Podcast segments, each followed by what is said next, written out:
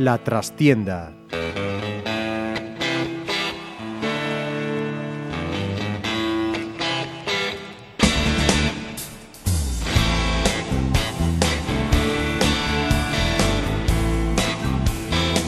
Saludos amigos, os habla Ramiro Espiño en nombre de todo el equipo. Comenzamos una nueva edición de La Trastienda en Pontevedra Viva Radio desde nuestros estudios en la calle Michelena en Pontevedra. Ganó el Teucro en Valladolid, lo hizo con solvencia en un buen partido, empató el Cisne en casa del líder Alcobendas e incluso acarició el triunfo que se le escapó a falta de solo 11 segundos. Cayó el Arsil en su visita al Ibaizábal con el culebrón Narlin Mosquera sin resolver y traspié imprevisto del Pollo Pescamar en tierras andaluzas, donde el Guadalcacín frenó la marcha ascendente de las de Marcio Santos.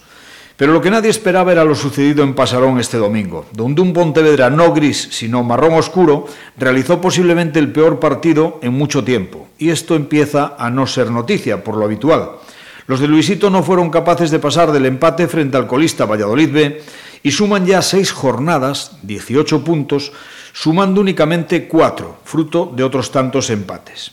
Definitivamente es hora de hacer examen de conciencia, de analizar lo que se ha hecho mal en la confección de una plantilla que parece exigir cambios drásticos en el mercado de invierno porque algunos demuestran en cada partido el error en su contratación, por su actitud en el campo y su rendimiento.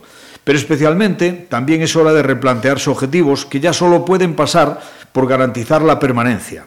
No vaya a ser que ya tenemos experiencia y no precisamente grata.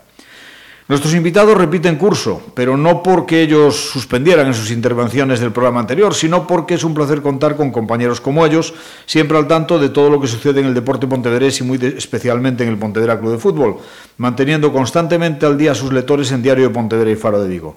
Cristina Prieto, saludos. Hola, buenos días. Xurxo Gómez, ¿cómo estamos? Hola, buenas. Y Alex Dávila, muy buenas, Alex. Hola. Bueno, partido de ayer. Empezar por donde queráis. Yo es que no sé si tiene análisis siquiera o lo resumimos en dos palabras. Desastre total. Pues sí, mira que yo puedo decir que generalmente cuando hago mis crónicas me falta espacio, porque al final hay muchas cosas que contar y en este partido me sobró espacio, porque sobre todo en la primera parte no había absolutamente nada que contar, al margen de una, de una ocasión que salva Edu que, menos mal que, Edu sí que está al nivel de, otros años, porque, porque si no es por él, a lo mejor estamos todavía más abajo. Es que opino exactamente lo mismo. Aparte, lo habíamos comentado las semanas anteriores, que yo sigo pensando que el problema ahora mismo del Pontevedra es eh, psicológico. O sea, a los jugadores se les nota que están con muchísima tensión y ya no es el minuto 70 famoso, no, es que yo creo que ya desde antes están preocupados por el devenir del partido. Y eso al final acaba pasando factura, ya se ve. O sea, ya ni siquiera es que te marquen goles, que ya ni siquiera das el nivel que, estaban dando antes. O sea, situación un poco preocupante, yo creo. Mm, yo no creo que sea un, problema de actitud, ni mucho menos. Yo veo que el equipo sí que se vacía, sí que lucha. No veo a nadie, por lo menos que estuviese ayer en el campo, de los que estuvieron ayer en el campo, que, que digamos esté pasando un poco de la situación. Pero, pero estoy un poco con Cris, es que eh, al final eh, la mente en el fútbol y en el deporte juega un papel fundamental para mí y, y, este Pontevedra, pues precisamente por todo lo que le ha sucedido además estas dos semanas, con, haciendo muy buenos partidos y que al final los puntos se le escapen, eh, el domingo saltó al campo súper tensionado, súper nervioso y yo creo que no le, viene, no le venía bien jugar contra un rival al que tenía que ganar sí o sí. Al final los mejores partidos del Pontevedra para mí fueron contra equipos eh, que están por encima en la tabla o, de un nivel en teoría similar al Pontevedra y no contra rivales a los que les tienes que ganar sí o sí porque al final sales con esa presión de favorito y, pinchas y, se, te deshincha el globo como ayer. Pero es que eso para mí es precisamente lo preocupante, ¿no? Porque es que si no eres capaz de afrontar una situación en la que tú mismo te has visto metido por, por hacer el, el ridículo en muchos partidos, hay que decirlo así. O sea, no ha sido la prensa, no ha sido la afición quien ha marcado a este equipo con el San Benito de hay que ser sí o sí de playoff.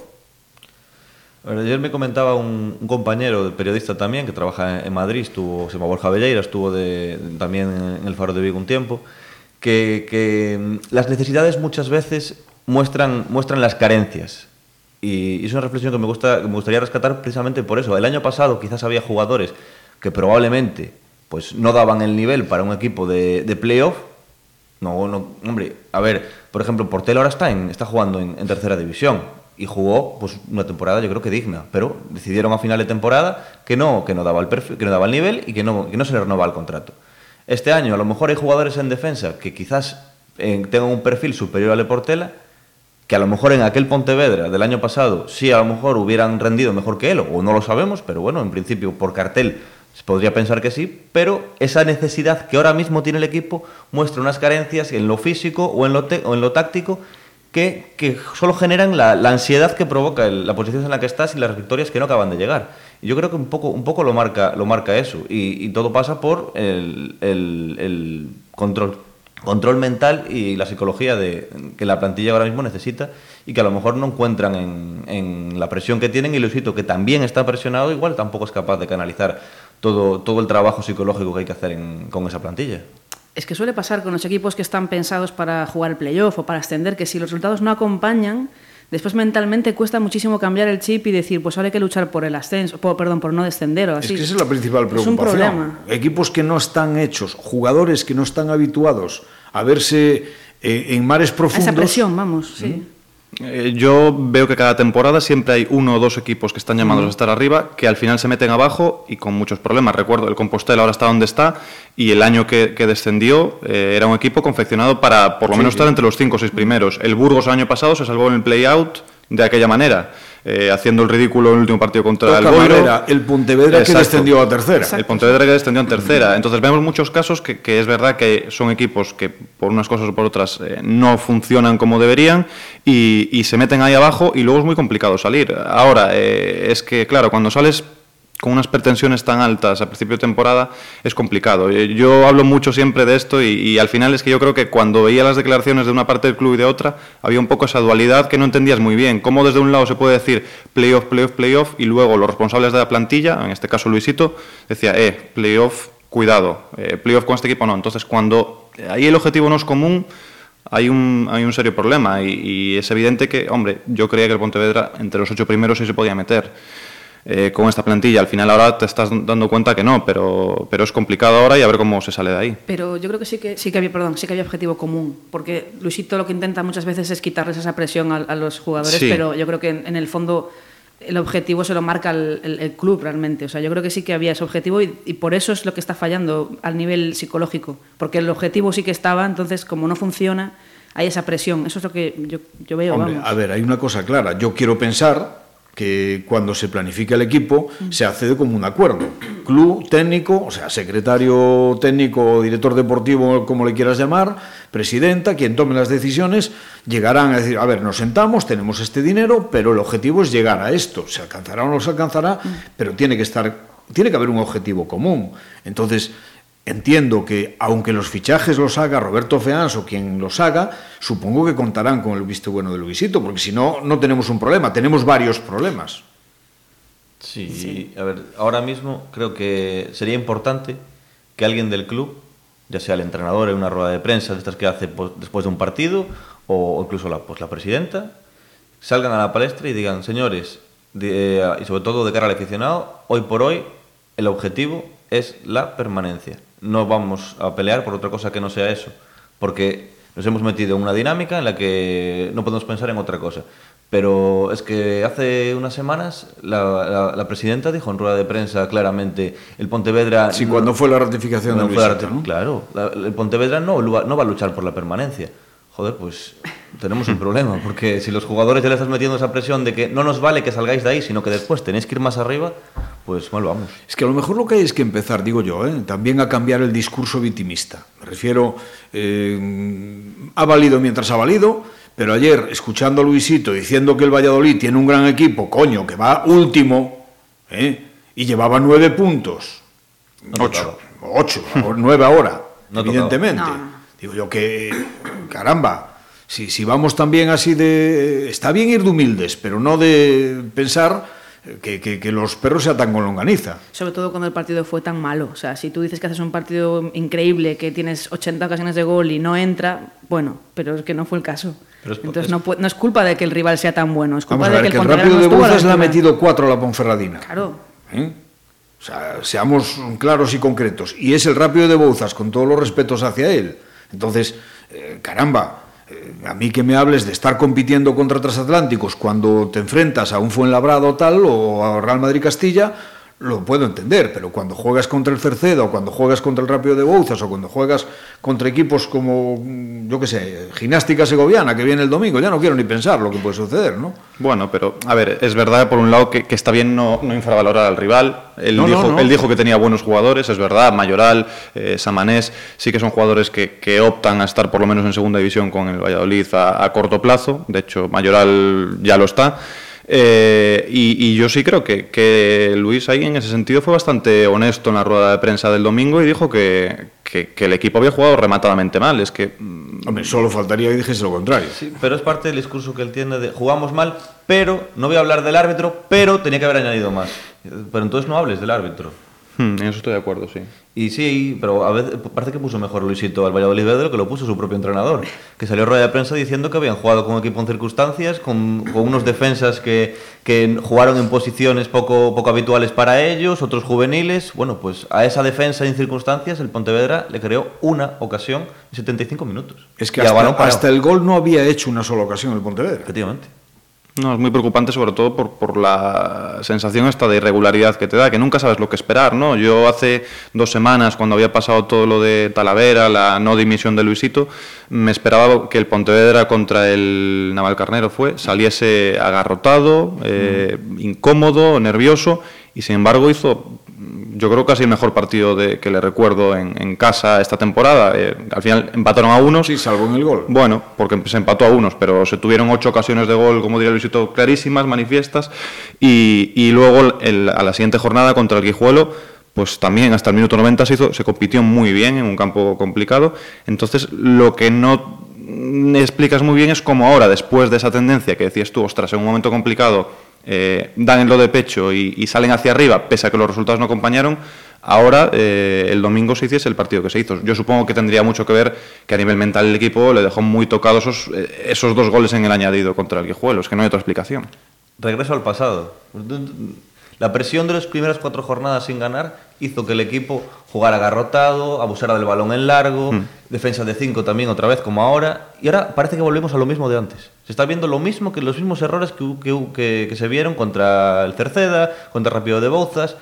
A mí me parece que hemos vuelto a la jornada 4. Sí, porque además, aparte de la falta de juego, el, para, a mí me preocupa especialmente que en todos los partidos tenga que aparecer Edu para salvar algo. Sí, cuando tu portero es el mejor, que en este caso ayer fue uno de los mejores, eh, no por el buen nivel que dio, sino por el, bajo nivel que dieron el resto, eh, es siempre malo. Eh, y al final es eso, parece que das dos pasos hacia adelante, como dice Alex, cuando parece que el equipo avanza un poco, bueno, hay que darle tiempo. Vamos a darle hasta la jornada 10, 12, porque es un equipo nuevo. Vale, parece que ya estamos ahí en un punto, un 60%, pues ahora volvemos al 40%. Entonces, si das dos pasos hacia adelante y luego das dos hacia atrás, las jornadas van pasando y la cosa se complica mucho. Si no es una falta de actitud con C, es entonces una falta de aptitud con P en bastantes de los jugadores que ahora mismo están en la plantilla. Tiene que ser. Yo es que intento pensar y analizar qué falla y lo único que se me ocurre que falle es que los jugadores no dan el nivel que se esperaba. No, no digo que sea un equipo malo o lo que sea, sino simplemente que se contaba con que esos jugadores diesen el nivel para llegar a jugar un playoff y no están dando ese nivel. Entonces eso también se genera esa presión de la que hablábamos. O sea, al final es un poco la pescadilla que se muerde la cola.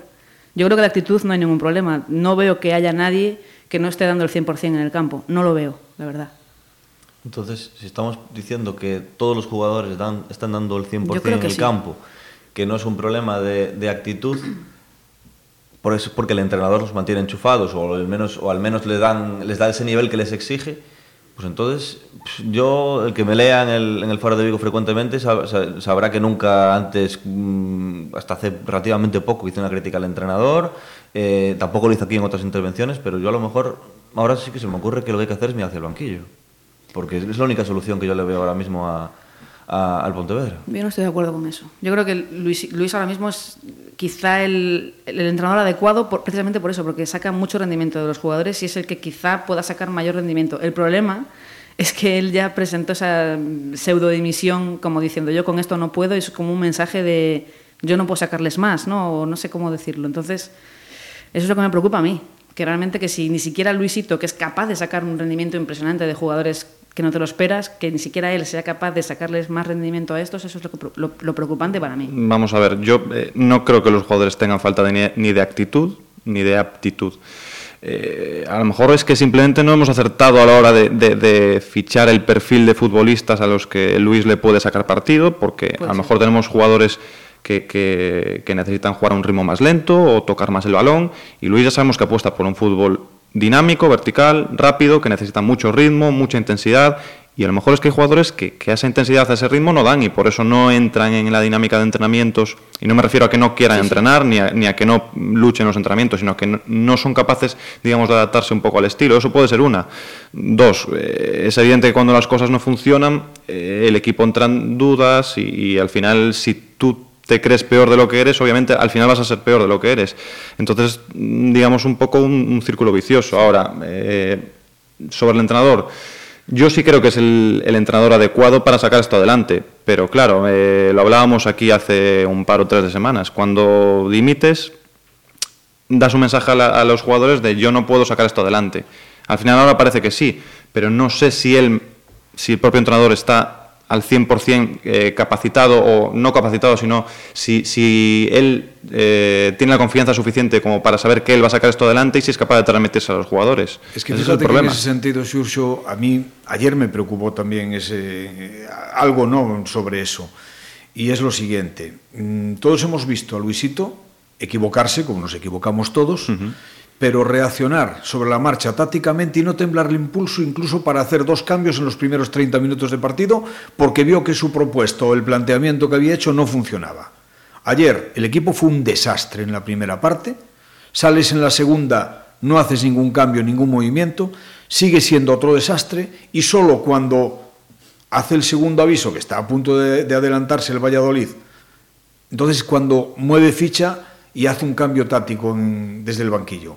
Digo yo, si a lo mejor no está él también un poquito desbordado por los acontecimientos. No estamos juzgando su capacidad como entrenador, sino la situación en la que está el equipo ahora mismo, ¿no? Y él. Efectivamente, sí. Eh, su capacidad como entrenador ya está más que demostrada. Él no tiene que demostrarle nada a nadie. Lo demostró en Orense y lo demostró en el Pontevedra sobradamente. Nadie, nadie le va a juzgar ni va a pensar que es un mal entrenador, pues porque un año malo lo, tuvo, lo tiene cualquiera. Y a veces que, pues no sé, no quiero decir que el ciclo se acabó porque es muy manido, es la típica frase de, del periodismo deportivo ahora con equipos grandes, pero... De determinado pero bueno. periodismo que yo no llamo periodismo. Me vas a permitir, aunque seamos pequeños y de provincias, eh, que nos distingamos todavía de determinado periodismo. Efectivamente, pero bueno, a lo mejor sí podría acoplarse esa, esa, ese ciclo acabado en este, en este sentido. Y, y es cierto que las soluciones que él siempre encuentra en, en el banquillo, esta vez no, no, las, no, las encontró y además es que a mí me llama muchísimo la atención de que no agotara los cambios. Yo creo que a todos, ¿no? Eso nos sorprendió a todos, viendo sobre todo que el equipo, después de correr muchísimo, porque obviamente yo no creo que esté mal físicamente, creo, creo que el equipo se, se desgasta, se funde, porque hace un trabajo físico enorme durante, durante los 90 minutos. Entonces es normal que ciertos jugadores, que además por, por, ejemplo, el caso de Alex González no esté jugando, digamos, en su posición eh, natural, por así decirlo, por las circunstancias está teniendo que jugar de carrilero, es normal que acaben en el partido fundidos. O Añón, que sabemos que es un jugador que a los 80 minutos, 70 minutos, pues por todo lo que hace antes, pues eh, le pita ya la reserva. Entonces, eh, viendo que el equipo estaba tan fundido y no ver que hizo ese tercer cambio, yo creo que nos sorprendió a todos y yo lo veo como un mensaje, por un lado, a, no, supongo que hacia arriba, diciendo esto es lo que hay y no tengo más, y, y, dos, hacia que él no veía también, digamos, futbolísticamente que, que en el banquillo tenía nada para cambiar el curso de, de los, del partido, ¿no? A lo mejor, hombre, yo hubiese puesto a lo mejor, ya jugando a ser entrenador, a Iván Martín por Añón, por darle algo de frescura al equipo, pero es verdad que luego quieres cambiar a Alex González, que estaba siendo el mejor en la segunda parte, y ves en el, que en el banquillo no tienes absolutamente nada parecido. Pero la pero, plantilla, perdón, sí, la sí. plantilla la, la, ha confeccionado él también, sí. o sea, realmente en ese sentido, entonces es culpa de él también, ¿no? Creo Entiendo yo. que obviamente sí. No solo es mirar para arriba, sino también tiene que hacer un poco de autocrítica y decir, pensar en que ha hecho mal él también a la hora de confeccionar la plantilla. Y a mí se me ocurre, por ejemplo, una variación. Y no, esto no es jugar a entrenador, es simplemente opinar. ¿eh? Sí, sí. Uh -huh. O sea, eh, tenemos claro que ayer estaba jugando y sacando los balones desde atrás Kevin Presa, que era el único que a veces en ruptura, en, condu en conducción, salía de, de, de, la cueva con el balón y generaba algo de fútbol. Hombre, pues Kevin Presa en este equipo no se le fichó, no se le fichó, no se le tenía como central Lo de central es improvisado. Y sin embargo tienes a Víctor Mongil en el banquillo, que yo me preguntaría qué pasa con él. Pues a lo mejor era meter a Víctor Mongil, este adelantar caso- a aquella este caso empresa en grada. campo. Estaba en la grada ya en este Bueno, caso Monjil. O sea, pero, pero es eso, ¿qué pasa con él? ¿Qué pasa Mm. con Miguel Ángel? Que parece que estamos en un equipo de aficionadillos, de, de una pandilla de amigos, ¿qué somos? O sea, de repente desaparece de los entrenamientos, desaparece de las convocatorias, no se sabe nada, no se informa absolutamente nada. Hombre, yo creo que algo, algo tendrían que decir desde el club, ¿no? También. con, con Miguel Ángel es necesario que, que- se informe, aunque solo sea, eh, Dios quiera que sea que simplemente que el chico pues no está cómodo y se fue para Madrid, porque que no sea nada grave de que le obligue a estar con, con su familia o, lo que sea, pero, pero el club debería decir, mira, esta persona no está entrenando, por este motivo, pues como se anuncian las, lesiones. Cuando, cuando Jimmy se lesionó, se dijo que tenía y cuántos meses había de- de baja. Pues si hay un jugador que encima es el único lateral derecho específico que hay en la plantilla, que no hay un recambio para él, estamos jugando con un parche que bastante bien está haciendo para no ser su posición, como es Marcos Álvarez, pues, pues hombre, algo tendríamos que saber. Además decimos, Alex González, vale, está fundido de hacer 50, 60, 70 metros, pero tienes a David Castro, lo metes en el lateral izquierdo y haces que Alex juegue un poquito más en punta y no haga semejantes recorridos Sí, soluciones, soluciones obviamente hay. Lo que pasa es que a lo mejor no le convencían a él, ¿no? Eh, al final eh, miras, miras para el banquillo y ves a David Castro, que es un chaval de 21 años, defensa. Goldar, que es un chaval de 24 años, defensa. Carlos Ramos, que estará como estará para jugar, que, que no está aún para jugar. Eh, Iván Martín, que es un chico de 21 años, que tampoco de momento está apostando por él. Entonces, Y pues, Lezcano que tiene todo el gol del mundo, que lo has llevado el otro día a Guijuelo, que incluso le has dado unos últimos minutos y demás, pero de repente deja de ir convocado también en casa eh, y después de haber hecho toda la pretemporada con el primer equipo y marcando goles. Sí, a lo mejor en estos momentos, yo me acuerdo de, de Rafa- la temporada de Rafa Sáez, que fue muy mala, pero por lo menos Rafa, eh, que lo echaron a mitad de temporada, apostó por Javi Rey, apostó por Quique Cubas. Bueno, pues a lo mejor cuando las cosas van mal y ves que no tienes eh, dentro del equipo eh, algunas posiciones específicas, por ejemplo, hablamos del lateral derecho, hay que mirar hacia abajo, hacia la cantera. Eh, es que tenemos un juvenil en División de Honor que está funcionando muy bien que tiene jugadores perfectamente válidos, por lo menos para entrar en la dinámica del primer equipo. No tienen que ser ellos los que saquen las castañas del fuego a este Pontevedra, ni hay que meterles ni mucho menos la presión de ser ellos los que salven al Pontevedra, pero por lo menos apostar por ellos, darles minutillos o, o decir, mira, pues es que te lo estás ganando. Además, Luis siempre dice que él no le tiembla el pulso a la hora de, de apostar por chicos de la cantera, que no mira el DNI. Bueno, pues que los chavales lo están ganando en su El equipo. año además. pasado lo hizo con Miguel en el lateral derecho. Por ejemplo. Era un desastre táctico cuando empezó la temporada y a la altura del mes de noviembre y diciembre ya era insustituible. Si lo está haciendo Tena ahora con el Racing Por de ejemplo, Ferrol, que sacó a gente de abajo, pues es que es el momento de para agitar la plantilla y demostrarle a los profesionales de la plantilla que, que quizás no están en el rendimiento, están dando el rendimiento que, que se les pide, pues decirle, oye, pues estos chicos que son juveniles van a jugar delante de ustedes para que vean ustedes lo que es que una persona se sacrifica. Os pregunto, la espada de Damocles de cuando fue la ratificación de Luisito y la manifestación de que en diciembre, enero iba a haber cambios en el mercado invernal, puede estarle poniendo plomo a algunos jugadores. No digo porque se sientan amenazados, pero que, a ver, no todo el mundo encaja la, la situación de la misma manera y alguno a lo mejor está pensando, me van a alargar, me van a cargar a mí. Yo, yo lo dije en su momento, que quizá había gente que no lo iba a asumir bien, porque es que cada persona es diferente. O sea, no sabes cómo va a reaccionar. Es que a lo mejor quien te esperas que reaccione bien, además, igual reacciona fatal. O sea, yo creo que el equipo sí que nota muchísima presión. Y después de eso. Hay quien responde al palo y hay quien Claro, responde a la caricia. pero es que aparte se ha visto que el equipo ha jugado bien, lo que decíais, en Alcarnero, Guijuelo, y aún así no le, has- no le ha llegado para ganar. O sea, aún así ha seguido teniendo los fallos de- mentales, yo creo, para, para encajar esos goles en- al final, ¿no? Entonces el equipo yo creo que se, se- se presiona todavía más en ese sentido. Dice, ostras, tengo la amenaza en la espalda y encima, aunque pongo todo de mi parte y mejoramos en cuanto a juego, los goles nos siguen cayendo y seguimos sin ganar. Sí, porque lo de encajar goles, a lo mejor un poco lo que decimos, ¿no? Es un equipo que desde mi punto de vista está mal estructurado, pero de arriba abajo. O sea, de- desde portería hasta la delantera. Portería muy bien porque está Edu ahí, no sabemos si Ancho podría ser o no relevo en caso de necesitarlo, pero está claro que la defensa no es contundente. Ayer se vio además en el tanto del empate, porque es de coña. O sea, el delantero remata solo, ganando en la posición Adrián León y aprovecha el rechace de, de- de Edu que quedó allí muerto. Es Eso otro- debe de ser balón de defensa siempre. Es otro, otro problema, que Adrián León era de lo poco que se salvaba de la defensa, si también Claro, empieza a fallar tam- él. Pero vamos también muy mal. vino de medio centro, ¿eh? Sí, sí. También vino de medio centro. Entonces se ha fichado mal. Entonces, claro, en el centro del campo no hay un organizador, un canalizador de juego, porque Prosi no está dando el nivel que se esperaba de él, o por lo menos para lo que vino, y arriba es que Echanizola lleva tres goles, pero Berrocal, que en teoría tendría que ser el delantero estrella, al menos por su cachet, digamos, no está ni jugando prácticamente, minutos sueltos y demás, y es que el resto, Iván Martín ya se ve, eh, Carlos Ramos, etcétera, etcétera, en fin. Yo es que veo a Prosi, por ejemplo, muy solo. O sea, lo veo que le falta eh, gente que le rodee bien. O sea, él solo no puede hacer nada. Es muy difícil que un jugador solo en el centro del campo pueda organizar bien. Entonces yo creo que ahí el fallo no es Prosi en sí, Yo es sino que para que mí no tiene Prosi, una compañía buena. perdona, yo es que para mí Prosi no es que sea ni buen ni mal jugador, que Sí. técnicamente me parece buen jugador.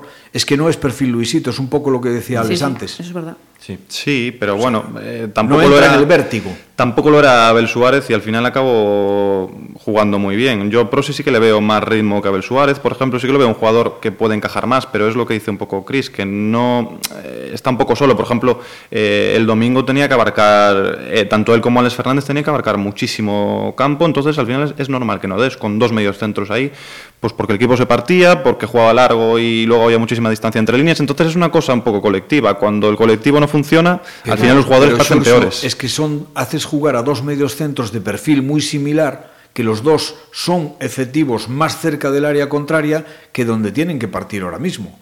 Porque te recuerdo que Alex Fernández, por ejemplo, con Luisito, donde mejor ha funcionado ha sido por detrás del delantero precisamente. Hasta ahora, Prosi es también un jugador de ese perfil, de poder filtrar un pase a la espalda de la defensa. Si lo haces jugar a 60 metros de la portería, lo pierdes. Sí, pero el problema es que es lo que decías tú, Ramiro, precisamente, que estamos jugando con un defensa nato. Es que de los 11 y jugando con una línea de tres y dos carrileros que también podrían ser defensa, estamos jugando con un defensa nato. Entonces, eh, cuando ves que durante varios partidos eh, la alineación por la que apuestas es un defensa nato, porque además está saliendo bien, porque además está saliendo bien, todo hay que decirlo, dices, sí, esto ahora mismo está saliendo bien, pero parece un parche, parece insostenible, porque, eh, claro, cuando dejas a, a cuatro defensas fuera de la convocatoria y apuestas por uno solo en el once inicial, ahí ves que hay cierto, cierta improvisación, cierta duda, que, evidentemente los resultados estaban, eh, no los resultados, sino el juego estaba acompañando, porque el equipo con ese 3-4-3, solo con, con Bruno de defensa nato, más eh, Adrián León y Kevin Presa estaba funcionando, pero ves que eso en cuanto haya un mal resultado y tal, va a volver a cambiar. Entonces esa, esa- esa sensación de improvisación un poco. Bueno, preocupante sin duda alguna, creo que estamos todos de acuerdo, es la situación. Los contrarios lo están haciendo peor y eso no salva de momento, pero tampoco es consuelo. Y las primeras y sonoras muestras de enfado en la grada se escucharon ayer. Y a mí eso sí que me preocupa especialmente porque lo que faltaba era que hubiese divorcio entre afición y equipo. Eso es lo peor de todo. Y la afición del Pontevedra es una afición que cuando el equipo va bien, acuden más al estadio, hay buenas entradas, no se llena el campo porque es difícil llenar un campo con 11.000 personas en segunda B, pero 6.000, 7.000 en partidos clave el año pasado sí hubo en algún momento de la temporada. Como pase lo mismo, con unas entradas de media de 2.000 espectadores estas últimas semanas y se vea un campo de, de 1.000 personas, es que yo estoy convencido de que si hubo gente, aunque fuera aficionada al Pontevedra, que ayer puso el partido en la televisión de Galicia, cambió de canal. Bueno, ¿qué partido en la televisión de Galicia? Porque esa es otra. La segunda parte. Hacerse valer, ¿eh? O sea, la televisión de Galicia ayer dio un Cerceda Corucho todo el primer tiempo, dio 10 minutos durante el descanso del Cerceda Corucho del partido del Pontevedra, dio el segundo tiempo íntegro del Cerceda Corucho y claro, cuando acabó el Cerceda Corucho conectó con Pasarón. Y cogió los mejores minutos de Francamente, Pontevedra, por lo menos. Pero, a ver, pero francamente, eso también el Pontevedra yo creo que por imagen propia debería hacerlo valer. Oiga, si a ustedes le interesa el producto, lo compran. Y si no, pues mire usted, televisa partidos, con todos los respetos, repito, hacia los rivales siempre. Cada uno tiene lo que tiene y muy dignamente están compitiendo Cerceda, Rápido de Bouzas y demás. Pero no puedes tener el mismo tratamiento mediático un club que, puede, que es capaz de meter hasta 12.000 almas en un campo que uno que mete 150. Esa es mi opinión, ¿eh? Sí, bueno, eh, lo que pasa es que al final está en la misma categoría y tú entras por el aro o no entras. Yo Bueno, soy pues- de, yo pues soy de tu opinión. Es decir, pues mira, no, no entro. Yo soy de tu opinión, creo que al final- O sea, no me pueden valorar lo mismo porque a mí, televisándome un Enséñame partido, las audiencias. A, a lo mejor, estoy, primero, audiencias, y trabajamos sobre audiencias, que es lo que vale. Y por otra parte, es que a mí, el que televisen un partido en Pasarón cuando a ustedes le conviene, significa que a lo mejor pierdo mil espectadores. Sí. Y mil espectadores son 10 partidos del Cerceda. Sí, sí. En cuanto a número de espectadores que, que pueda perder. El Cerceda que pierde 50 espectadores y los pierde. En caso de ser televisado. Ni, no creo le ni, va. que- ni que pierda 50. Entonces, creo que son cosas a, a tener en consideración. ¿no? Eh, Es evidente que la televisión no está ayudando nada a que, a que Pasarón registre mejor ambiente, el equipo tampoco, y a mí lo que me preocupa es que cada vez veo Pasarón más cementerio. Ayer por lo menos pitó, Eh, y yo no soy partidario ni mucho menos de los pitos, pero ayer por lo menos eh, la afición mostró su desencanto, pero es que hay otros días que lo que muestra es indiferencia, y a mí eso sí que me duele. Es peor, evidentemente. Eh, hubo aplausos, hubo pitos. Yo entiendo que haya pitos. Ahora, a mí no me gusta que haya pitos durante el partido. Eh, Es mejor estar callado o animar y luego al final, pues oye, si tienes que, digamos, eh, dar la bofetada al equipo, se la das porque la merece. Eh, con todo el respeto del mundo, que, metaforizando, ¿no? Pero, pero durante el partido sí que no me gusta que, que haya pitos. Pero bueno, por lo menos ves que la afición, la que va, está descontenta y, y- y siente y padece, que otras veces parece que no. Bueno, terminamos, chicos, aunque seguiremos hablando, evidentemente, del Pontevedra y del deporte pontevedrés. Eh, la última para los tres. Soluciones, las que veis. Yo en- el- creo, y voy a decir cuál es la, la no solución. Para mí no es solución hacer una revolución en, en- en enero, nunca jamás, porque lo comentábamos antes fuera de micrófono, ya sabemos los últimos precedentes de lo que pasó en la última revolución, que fue con el descenso a, a tercera. Entonces, yo creo que a lo mejor cambiando dos, tres piezas y ver si se puede hacer, porque otra cosa es que luego aquí los jugadores tienen contrato y hay que ver si, si se quieren ir o no. Si se puede hacer cambiar dos, tres piezas bien, Y que haya en el mercado algo interesante. Exacto. Y si no, pues Porque si tal y como vamos a traer a Franes Amado, Exacto. Eh, si no, tal y como estamos, tirar con lo que haya que tirar. No creo que el, que el cambio de entrenador, por lo menos de momento, sea eh, la solución, porque también veo que el equipo, eh, futbolísticamente, salvo el domingo pasado contra Valladolid B, sí que está respondiendo. Entonces, ha- hay que esperar un poquito y ver cómo, cómo llegamos a, a ese enero. Alex. Pues yo creo que mínimo un fichaje por línea, quizás en defensa dos. A ver, que ver- hay que ver cómo vuelve Jimmy también. Y qué pasa con Miguel Ángel. Y yo por, prim- por primera vez desde hace mucho tiempo ya empiezo a tener dudas del entrenador. Tengo que decirlo porque, porque me duele hasta decirlo, porque realmente yo siempre confiaba en el sitio y me parecía pues, la persona ideal para, para llevar al Pontevedra, pero yo ya empiezo a tener dudas. Me atrevo a decirte, quizá no tanto el entrenador, sino como la situación que vive el entrenador en estos momentos. Efectivamente, no. Eh, Seguro que estoy convencido de que coge otro equipo la temporada que viene, a Ponferradina y la sube. Pero, pero ahora mismo eh, tengo dudas de que sea capaz de sacar adelante la situación actual. No, no que sea un mal entrenador, desde luego que no. Aquí respetamos evidentemente la opinión de cada cual y, y- y muy lícita. Lo, lo mismo el que piense que debe de seguir como el que no debe seguir. Cris.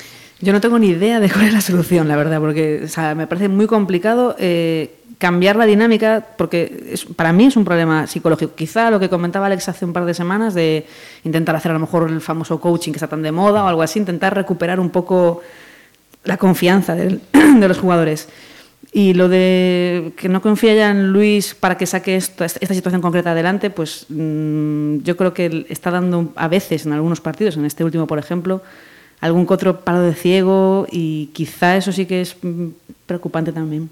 Muestras de que a lo mejor ni él mismo cree en lo que está haciendo. O que ni siquiera él no encuentra, encuentra encuentra solución. solución. Entonces a lo mejor sí que quizá debería parar, pensar y, y tranquilizar un poco todos la situación que, que meterle más presión a, los jugadores no va a ser la solución, desde luego. Xurxo Gómez, Alex Dávila, Cristina Prieto, muchísimas gracias como siempre, un placer compañeros. Y a todos vosotros que nos escucháis os dejamos con nuestra habitual despedida musical. Como digo siempre, yo sé que a Cris, que es melómana, le gustan especialmente este tipo de temas. The Smith, ¿te gustan? Sí, claro. Bueno, pues fue el grupo inglés de rock alternativo formado en Manchester en 1982 y cuya voz y líder era Morrissey. Eh, de ellos escuchamos uno de sus temas más conocidos. Además viene muy, muy a pelo. Mira, me, ahor- me ahorro incluso el título en inglés, porque además seguro que lo iba a pronunciar bien, y me quedo con la traducción en cristiano, que es lo que necesitamos precisamente en estos momentos para el Pontevedra. Hay una luz que nunca se apaga. Pues eso, como siempre, que lo disfrutéis. Será hasta la próxima semana que intentaremos que haya más y si podemos también mejor. Muchísimas gracias, os esperamos.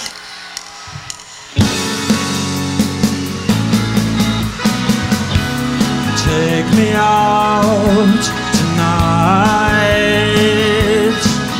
Where there's music and there's people who are young and alive.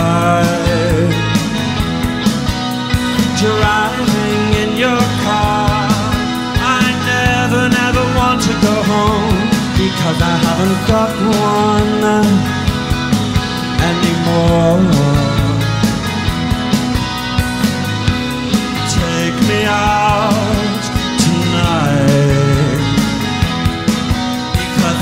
to see people and I want to see lights. Driving in your car, oh please don't drop me at home because it's not my home, it's their home and I'm welcome no more.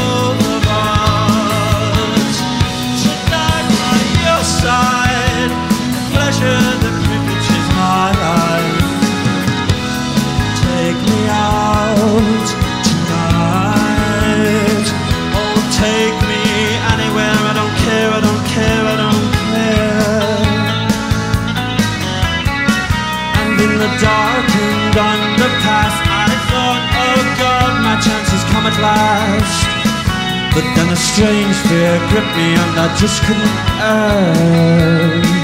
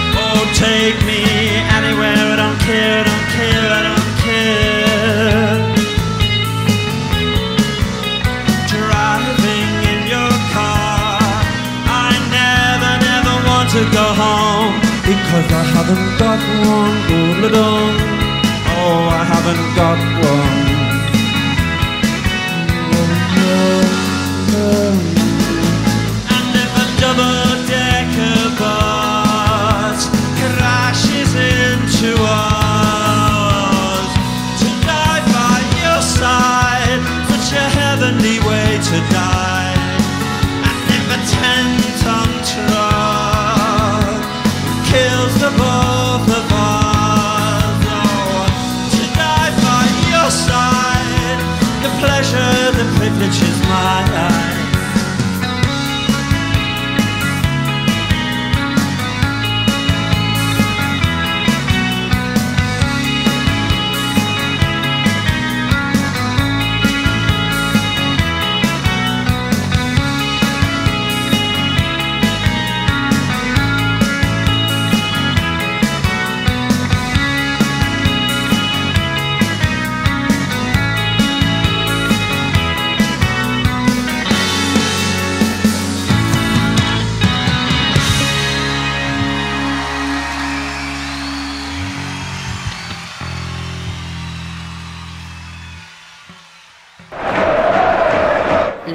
tienda.